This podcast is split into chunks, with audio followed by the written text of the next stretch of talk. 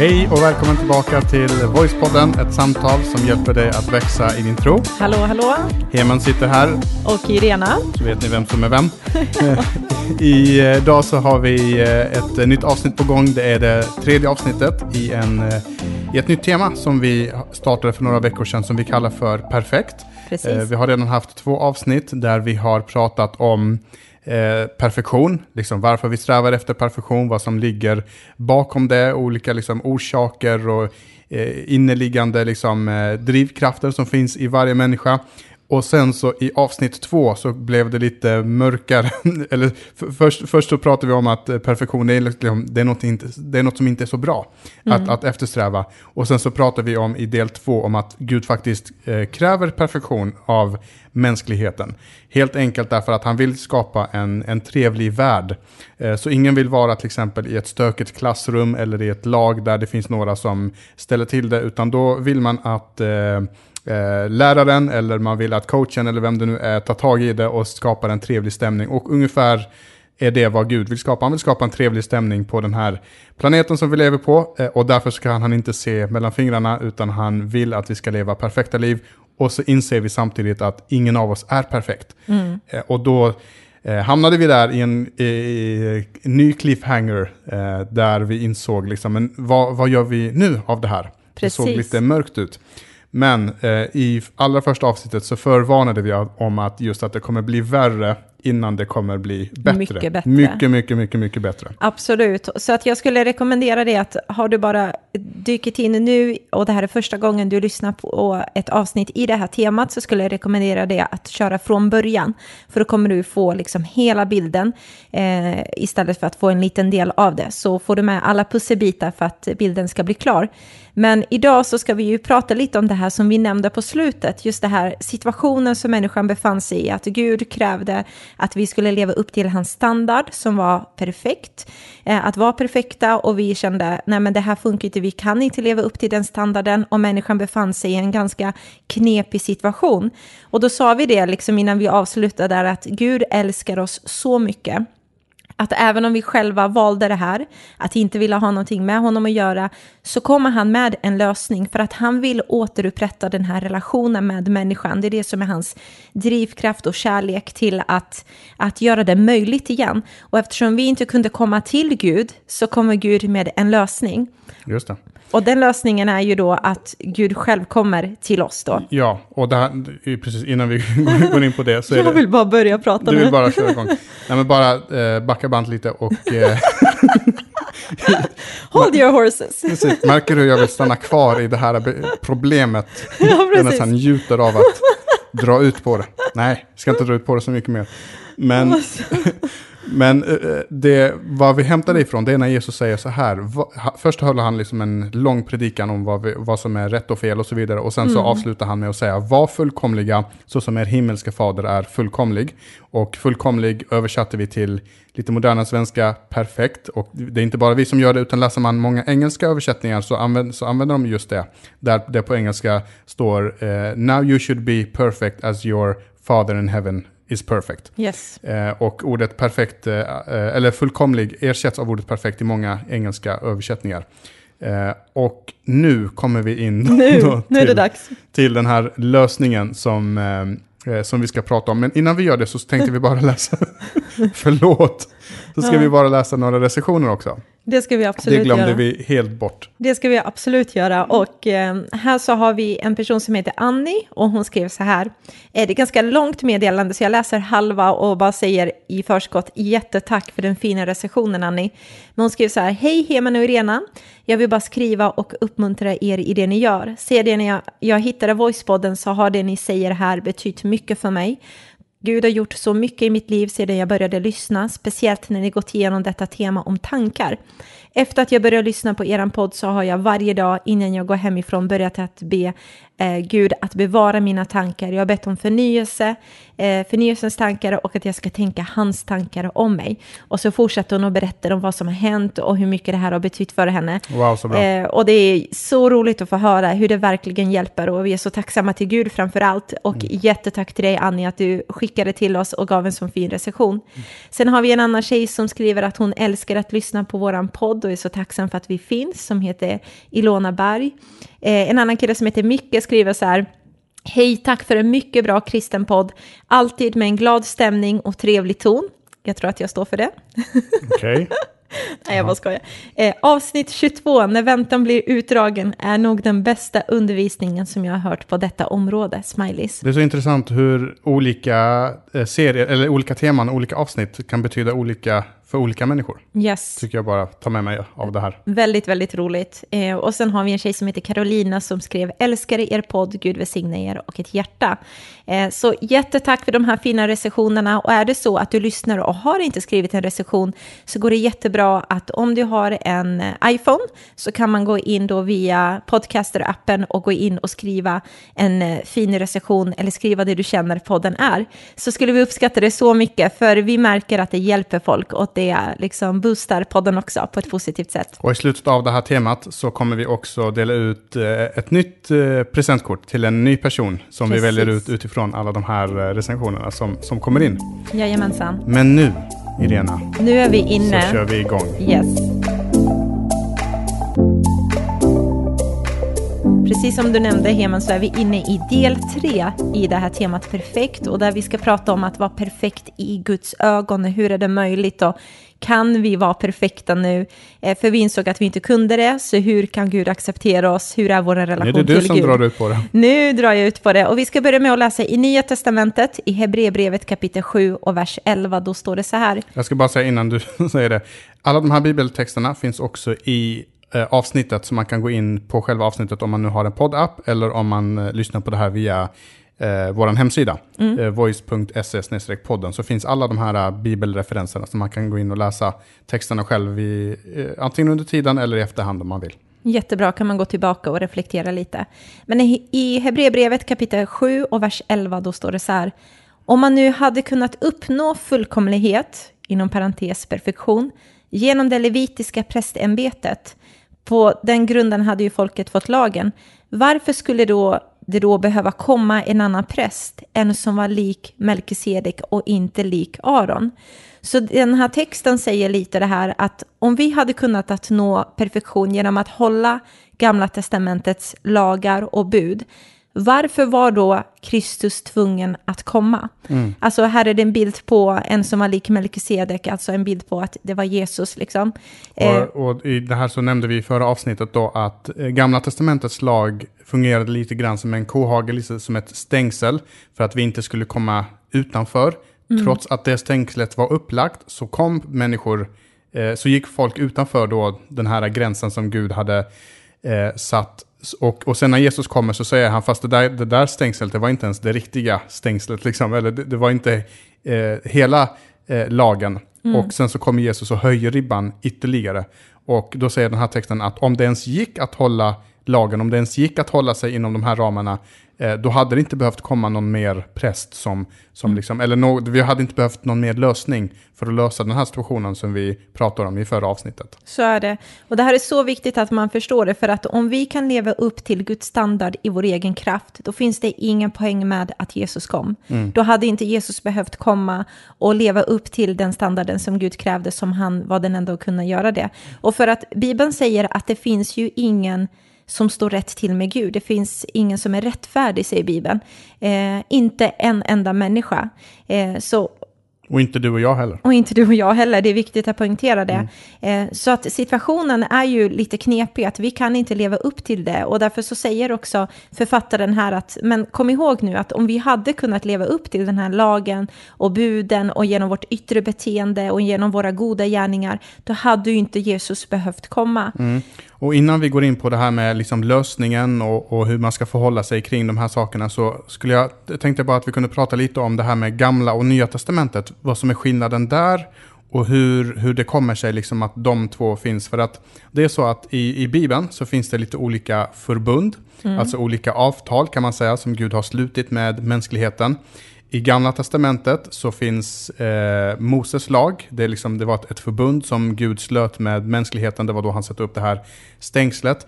Innan det så gällde någonting annat. Så man kan säga även i Gamla Testamentet så fanns det olika avtal. Han hade ett avtal med Abraham. Att han, hade, han gav Abraham ett löfte. Jag tror vi pratade om det i det här temat som vi hade om hopp. Och sen i Nya Testamentet så sluter han ett nytt avtal med mä- mänskligheten, ett nytt förbund. Men det vi tror, det är att det här nya förbundet, det sluts typ när Jesus föds.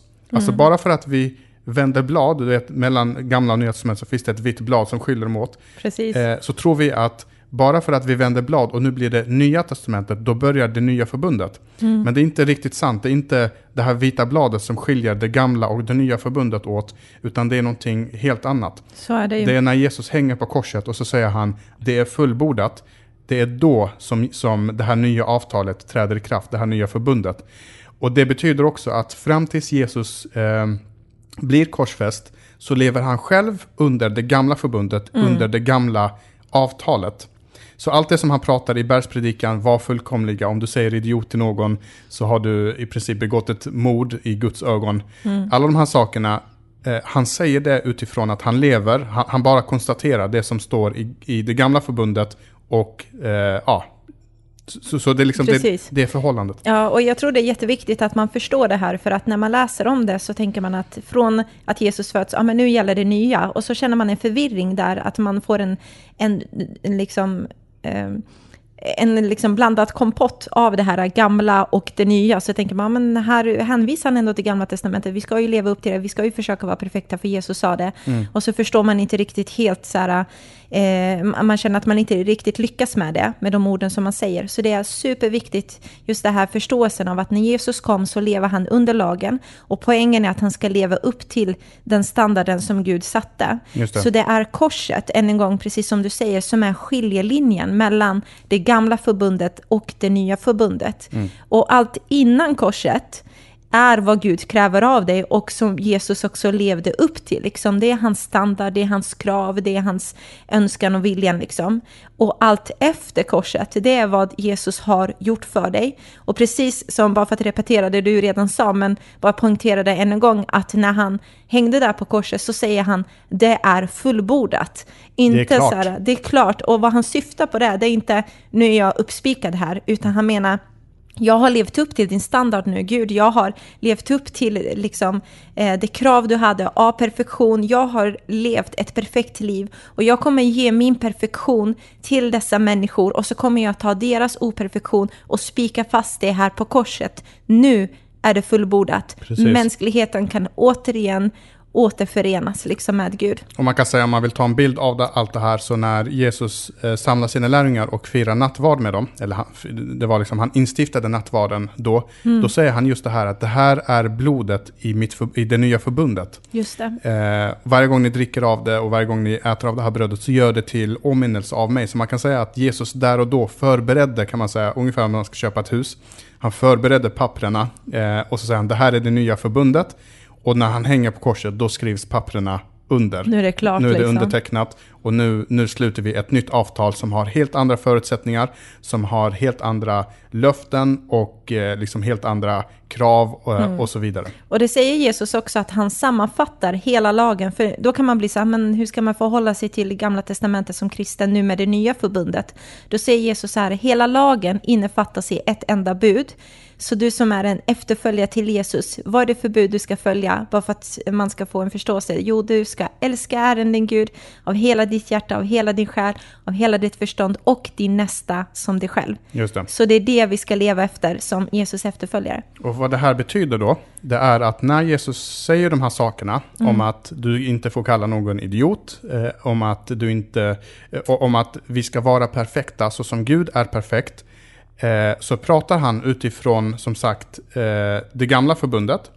Och, eh, och det, betyder, det betyder inte att vi inte är förpliktigade i att hålla de här sakerna. Men Jesus säger inte det för att han vill få dem att hålla och bli perfekta. Så han säger inte det med en förhoppning att om jag nu säger var fullkomliga som min himmelska fader är fullkomlig, var perfekta som Gud är perfekt, så kommer de att lyssna på det och göra som jag säger. Det är inte det som är Jesus intention, utan han säger det för att visa, ni klarar er inte på egen hand. Mm. Och det är därför jag om några månader nu kommer att bli tvungen att bli piskad, hånad, torterad och sen till slut uppspikad på ett kors och begraven och sen kommer jag uppstå.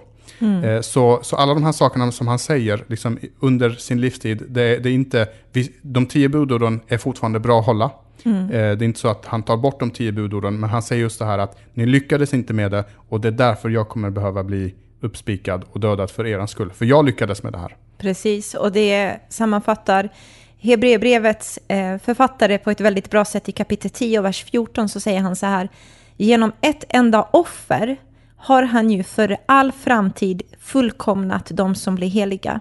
Alltså genom att Jesus dog för oss, det är det enda offret, så har han för all framtid gjort oss fullkomliga, perfektgjorda i vår ande eh, på grund av honom. Mm. Och en eh, gång bara, om vi läser den engelska översättningen så står det så här, For by a single offering he has perfected. Så den använder just ordet det här perfekt. He has perfected for all times those who are being sanctified. Mm. Eh, precis som, som du säger, för, alltså en gång för alla, genom det här offret, så blir vi perfektgjorda, om det nu finns ett sånt ord på, mm. på svenska. precis. Vi kom upp, eller vi kom på det nu. Vi kom på det nu. kom på det nu. Men det som är viktigt, vad som hände där då, är på grund av att Jesus eh, gjorde dig perfektgjord, han liksom bytte ut din operfektion med sin perfektion. Och att Gud accepterar oss nu, att vi kan ha en relation till Gud, att vi kan liksom eh, återförenas där igen, är endast på grund av den standarden som Jesus levde upp till.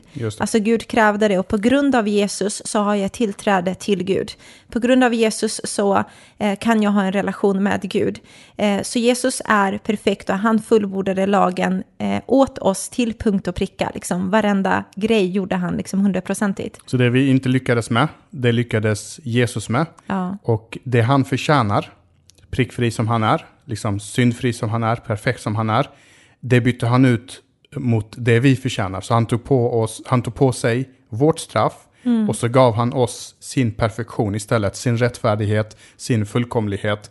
Eh, och så bytte han ut det och det finns en låt som heter just uh, The Beautiful Exchange, alltså det här mm, vackra, ja, det vackra utbytet som skedde på korset. Eh, är, är, det precis det det handlar om, att Jesus byter ut sin perfektion mot eh, våran operfektion. Mm. Eh, och det är lite det här som, jag, jag nämnde det här med Eh, den här ribban, att Jesus faktiskt höjer ribban. Men han höjer inte ribban för att vara jobbig, vara taskig, liksom, eh, vara på dåligt humör.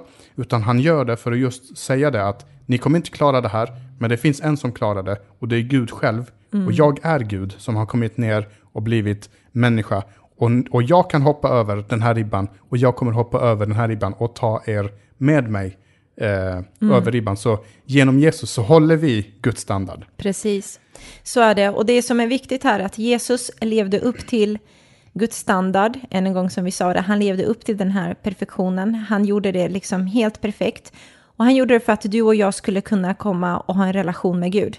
Det var liksom grunden. Sen säger han nu att nu när du redan är accepterad, nu när du redan är förlåten, nu när du redan tillhör mig, så gå och älska din nästa. Älska Gud av hela ditt hjärta och älska din nästa. För där så innefattar fortfarande det jag önskar att ni ska leva efter. Mm. Men det är inte baserat på att vi har en tillgång till Gud genom våra egna goda gärningar, utan Jesus har redan gjort det. Precis. Nej, så att var... man förstår den här balansen mellan när han säger att han innefattar hela... Ja, det var inte den här grejen att han hjälper oss över ribban mm. och går nu och lever ett rövarliv. Nej, det är inte det det handlar om, utan det, det, är precis tvärtom. Att när någon gör någonting gott mot mig, då vill jag göra någonting gott tillbaka.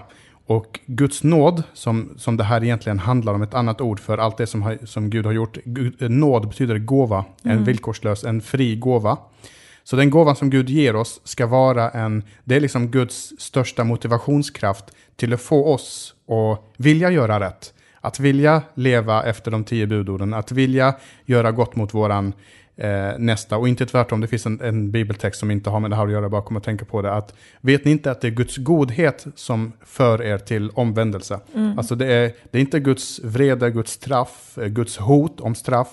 Utan det är Guds godhet som för oss till... till att eh, tänka om och förstå och liksom... Precis, och när Jesus hänger på korset så tänker han just det att det enda sättet som jag kan få människor att älska mig villkorslöst, det enda sättet som jag, som jag kan få människor att vända om till mig, inse att, eh, att de behöver mig, det är om jag kan göra en uppoffrande handling för dem. Och det här är historien, skulle jag vilja säga, största kärlekshandling, mm. historiens största uppoffrande handling. När inte bara, det är inte bara en människa som gör det, utan det är Gud själv som har skapat mig och dig, som väljer då att hänga upp sig på, eh, på ett kors. Och det som du nämner är så viktigt, just det här att, att det här är inte liksom en license to sin. Nej. Eh, och Paulus då, som du har nämnt, han skriver i Galaterbrevet så här att nu lever inte längre jag, utan Kristus lever i mig.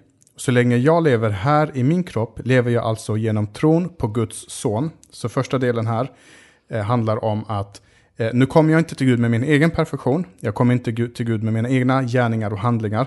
Utan nu lever jag i Kristus och Kristus får företräda mig. Jesus får mm. bli min företrädare. Precis. Och så fortsätter han. Han som har älskat mig och gett sitt liv för mig. Och så fortsätter han, vad, vad, vad, gör jag av det här då? Jo, så säger han, jag förkastar inte Guds nåd. Så den här gåvan, jag förkastar inte, jag, inte, jag gör inte någonting dåligt av det. Jag tar det inte för givet liksom. Jag tar det inte för givet. För om rättfärdigheten hade kunnat fås genom lagen, då hade ju inte Kristus behövt dö. Mm. Så den här gåvan som, som Gud ger oss, den är inte menad att, att vi ska göra någonting dåligt av det, utan tvärtom, det är en inspirationskraft, motivationskraft för att vi ska kunna älska våra nästa och älska Gud. Verkligen. Och det här kan man läsa i Galaterbrevet kapitel 2 och vers 20-21.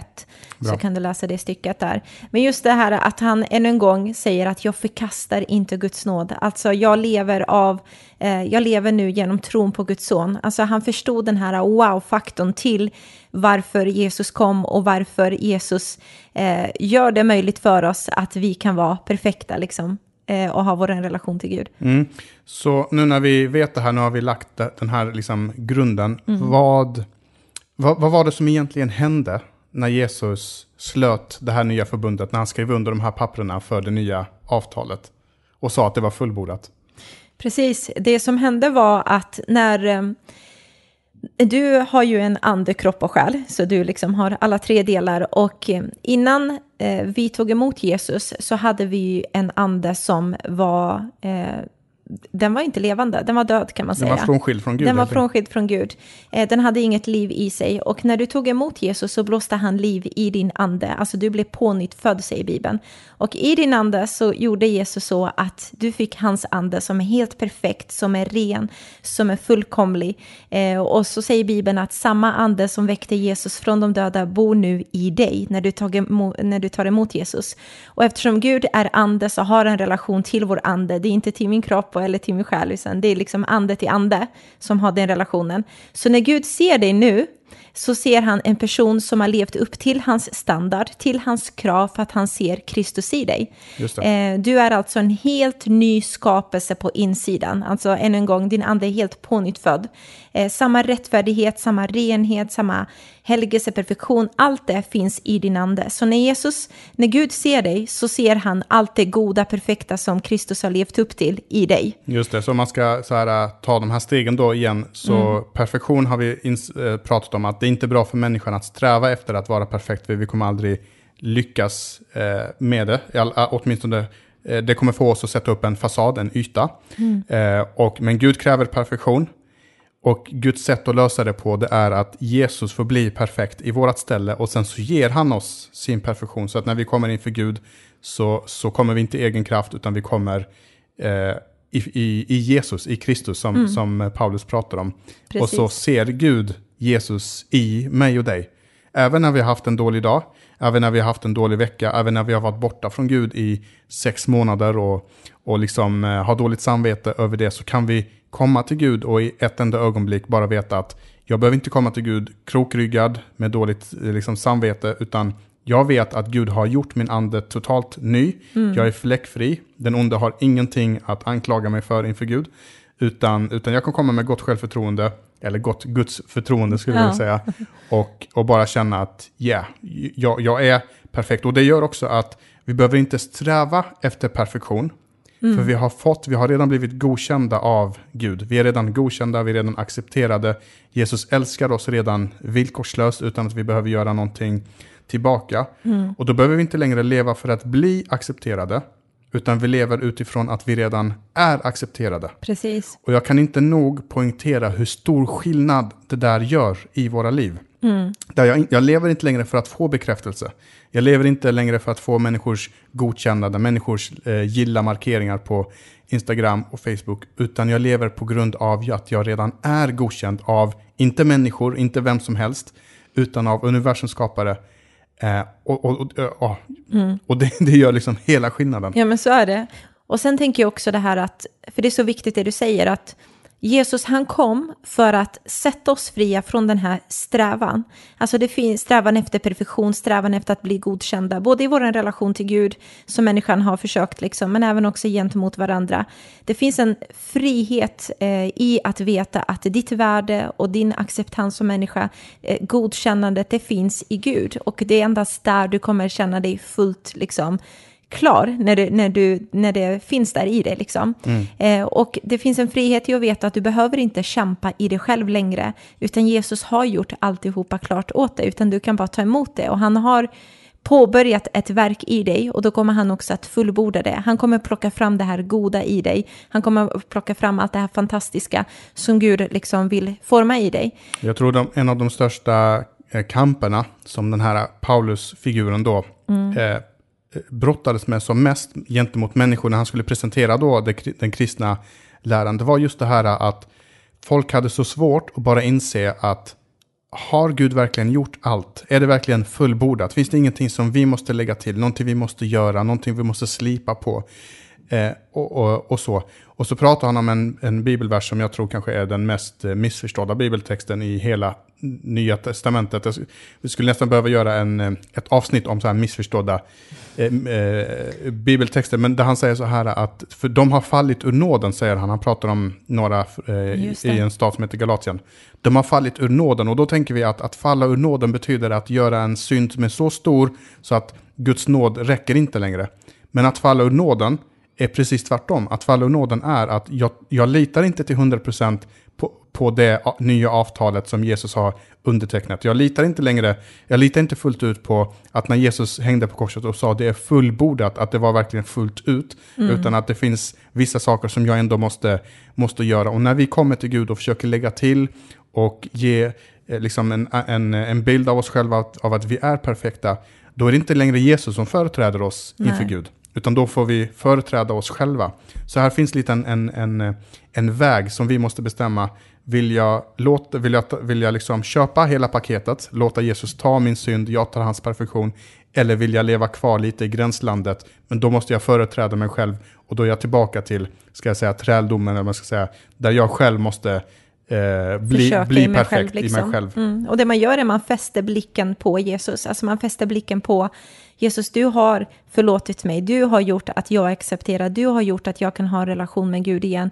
Du älskar mig inte på grund av mina gärningar utan för du har bestämt om att älska mig långt innan jag ens fanns. Allt det där är liksom värde och acceptansen och att han har levt upp till Guds standard. Det slutar man fokusera på och så börjar man lägga blicken, fästa blicken på sig själv istället. Och Petrus, han var en sån här eh, person som också försökte, eh, som var en av lärjungarna till Jesus. Han försökte leva upp till den här perfektionen och så misslyckades han ganska rejält. Just det här när man arresterade Jesus och eh, så följde han efter på avstånd och så kommer några personer fram till honom när han står där utanför och, och avvaktar lite. Bara, men känner du Jesus? Är du inte en av dem? Liksom, jag hör på ditt tal att du tillhör hans liksom, folk. Ehm, och så bara totalt förnekar han honom där. Bara några hundra meter ifrån så står Jesus där och blir anklagad. Trots att han hade sagt, jag kommer jag aldrig... kommer aldrig överge dig. Precis, och han var ju så självsäker och han hade det här behovet av att hävda sig. Och sen så ser, han, ser man vilket bakslag det blir för Petrus. Och den här besvikelsen han kände, alltså jag kan inte ens föreställa mig den, alltså den här enorma misslyckade känslan som måste ha funnits där i honom, att han hade sådana höga förväntningar på sig själv, att minsann om alla andra sviker Jesus kommer jag aldrig göra det, jag är en stark ledare, jag kommer liksom finnas där, jag kommer stå upp för dig no matter what. Och det här hände inte långt bort. Nej. Liksom Jesus är på en plats och han är på en helt annan plats. Utan pa- Petrus sitter verkligen, sitter verkligen bara en bit ifrån och Mm. skådar och ser allt det som händer med Jesus. Och, och så säger han de här orden, jag känner inte den mannen. Mm. Jag vet inte vem, vem han är. Eh, och på något sätt så måste deras liksom blickar ha mötts och liksom, den här fruktansvärda ångesten måste ha kommit över Petrus. Jag har förnekat den som jag har sagt att jag aldrig kommer förneka. Mm. Och där står han och liksom eh, torterad, blodig och så förnekar jag honom. Jag vågar inte ens stå upp för honom. Och, det var, och det var till och med, det var inte, liksom inte någon romersk soldat, utan det var en, en flicka, en liten flicka som ställde de här frågorna. Ja, och ibland så tänker jag på den här situationen med Petrus, att han hörde ju Jesus säga liksom att var perfekt så som er fader är perfekt. Och det får man tänka också på lärjungarna att när de levde med Jesus, vi har ju facit i handen idag. Idag så ser vi hela bilden och vi kan läsa och bläddra i våra biblar och vi kan liksom läsa bibelord och bibelversen och koppla det alltihopa. Men de hade ju inte det, de levde där och då, nu liksom hände allt det här. Och Nya Testamentet fanns inte liksom. Precis, de levde Nya Testamentet. Så när han hörde Jesus säga det här, var perfekt så som min fader är perfekt, kanske är det så att han tänkte, just det, vänta, är det det jag försöker leva upp till? Är det det jag ska ha som standard? Och kanske missförstod han vad det var Jesus var på väg till att göra när Och han att skulle... Jesus levde i gamla förbundet, i gamla avtalet. Just det. Eh, så när Petrus liksom totalt misslyckades kring det här så kan jag tänka att han bara kände nu är det kört. Alltså hur ska det gå nu? Vad har Gud för plan för mitt liv? Allt det här om att jag skulle vara klippan och Gud skulle bygga liksom sin församling och allt det där. Kommer det ens gå? Kommer det bli av någonting med mig? Jag har totalt misslyckats. Jag har totalt liksom gått helt emot allt det jag önskat om mig. Så det här, liksom hans strävan efter perfektion, det var inte bara det att han siktade på stjärnorna och nådde trädtopparna, utan det var inte bara det att han inte nådde till perfektionen, utan han kraschade rejält. Han kraschar rejält. Och det man ser kring Petrus hela den här situationen är att Gud, han har sån enorm kärlek och ibland så tror vi, ja men nu greppar jag Guds kärlek, nu förstår jag att han älskar mig. Men när vi kommer till den punkten och tror att vi förstår det så bara inser vi, nej det är så mycket djupare och så mycket starkare än vad vi någonsin tror jag vi kommer förstå i den här tiden som vi lever i. Först när vi möter honom så tror jag att vi kommer förstå, wow, vad du älskar oss liksom. Och det ser man också där när lärjungarna går till graven och kvinnorna går före där och sen så möter de några änglar som uppenbarar sig och så ger de en hälsning och säger Jesus är inte här, varför söker ni honom, han är uppstånden liksom. Och så säger de så här, gå nu och säg till hans lärjungar, alltså de eh, skickar en hälsning, och särskilt till Petrus. Han går före till Galileen, där ska ni få se honom så som han har sagt er. Alltså just den här hälsningen som, som Gud har, ja men just den här hälsningen som Gud har att gå nu och säg till hans lärjungar, lämna det här meddelandet och särskilt nu till Petrus, för jag vet hur Petrus känner sig just nu. Alltså Jesus visste hur bitter, hur arg, hur besviken Petrus var på sig själv. Och Jesus ville inte att han skulle stanna i den där situationen, i de tankarna, i det mindset han hade om sig själv, om sin framtid, om sin relation till Gud. Alltså just det här, jag tycker det är så starkt, hälsa särskilt till Petrus. Alltså just för att måla upp det här lite så kan vi alla tänka, ja men det här, hälsa särskilt till Petrus att det är inte kört. Hälsa särskilt till Petrus, jag är inte arg på dig. Hälsa särskilt till Petrus, jag har fortfarande en plan för dig. Hälsa särskilt till Petrus att ja, du kanske misslyckades med dina egna försök, men du vet att när jag dog för dig nu och uppstod så är du fullkomligt accepterad och älskad och du tillhör mig. Jag har gjort det klart för dig Petrus. Du behöver inte kämpa längre själv. Och det är det här som är att leva utifrån att vi är accepterade, utifrån att vi är perfekta, istället för att försöka bli accepterade och försöka bli perfekta. Och här skulle man nästan kunna bara sätta, sig, sätta sitt eget namn. Alltså hälsa säkert Heman. Hälsa honom säkert, äh, hälsa säkert Heman att, eh, att han ska fortsätta lita på mig. Hälsa att jag inte är besviken på honom. Hälsa att jag inte är arg på honom, att jag älskar honom fortfarande. Eh, och, och, och liksom när ingen tror och, och hoppas så, så, så jag tror fortfarande på dig. Det finns fortfarande en kallelse över ditt liv och, och det är inte kört. Alla de här eh, sakerna. Och det gör som sagt, och det var det jag nämnde förut, att det gör hela skillnaden. Att, jag, att veta om att jag är älskad, jag är accepterad, eh, jag är perfekt i min ande inför Gud. Jag kan komma till Gud precis sådana som, sådan som jag är, oavsett hur min vecka har se- sett ut. Istället för det här andra med krok i rygg, liksom, ah, men jag, jag lyckades inte nå upp. Ah, men jag lovar Gud, nästa gång så ska jag försöka hårdare. Och så misslyckas man, och så misslyckas man, och så misslyckas man. Så för att säga det sista här, så fortsätt nu, ha ditt hopp till Jesus, till det han gjorde på dig på korset, till att han har perfekt gjort det i din ande, eh, Eh, så att du nu kan liksom ha din relation till Gud och eh, inte bara här och nu utan i all evigheters evighet. Och det kan man säga är svaret också på det här, de här cliffhangsen som vi har haft eh, och det här dilemmat att eh, vi är inte perfekta i oss själva, Men vi är perfekta i Guds ögon.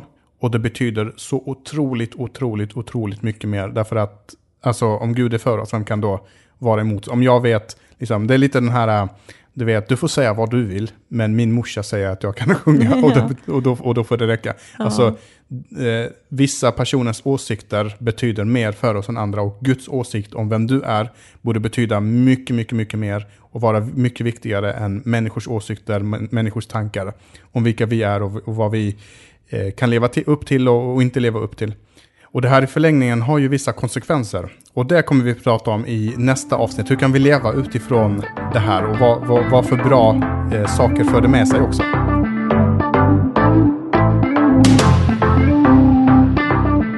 Då har vi alltså pratat idag om att vi är perfekta i Guds ögon, varför Jesus kom, kraften och betydelsen och storheten i att han levde upp till Guds standard som var en perfekt standard. Eh, och, eh, och jag skulle bara vilja säga att vi har egentligen bara börjat skrapa på ytan. Så är det, det finns så mycket mer i det här temat. För nu är det bara en grund som har blivit lagd och det här har fantastiska konsekvenser. Eh, och redan nu när du lyssnar på det här, om du känner om du vill hjälpa till oss, hjälpa oss att sprida det här ännu mer. Det kommer, jag tror, två eller tre avsnitt till. Om du vill hjälpa oss sprida eh, Voicepodden ännu mer så att människor som inte tror och människor som tvivlar sin tro och brottas och behöver växa och bli lär, riktiga lärjungar så att säga. Eh, så kan du få vara med och ge till mm. eh, Voicepodden. Eh, man kan bli månadsgivare och då kan man gå in på ge.voice.se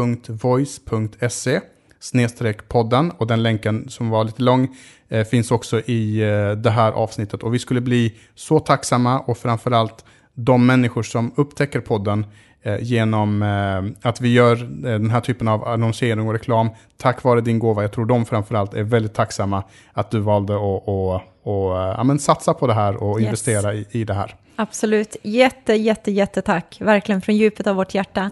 Så uh, får du nu landa efter att ha hört oss, ta en kopp kaffe eller ut och springa eller vad du nu ska göra, fortsätta jobba. Uh, så återkommer vi som sagt med ett nytt avsnitt i det här temat med perfekt. Så ha det helt fantastiskt och Guds välsignelse över ditt liv. Ha det gott. Hej då.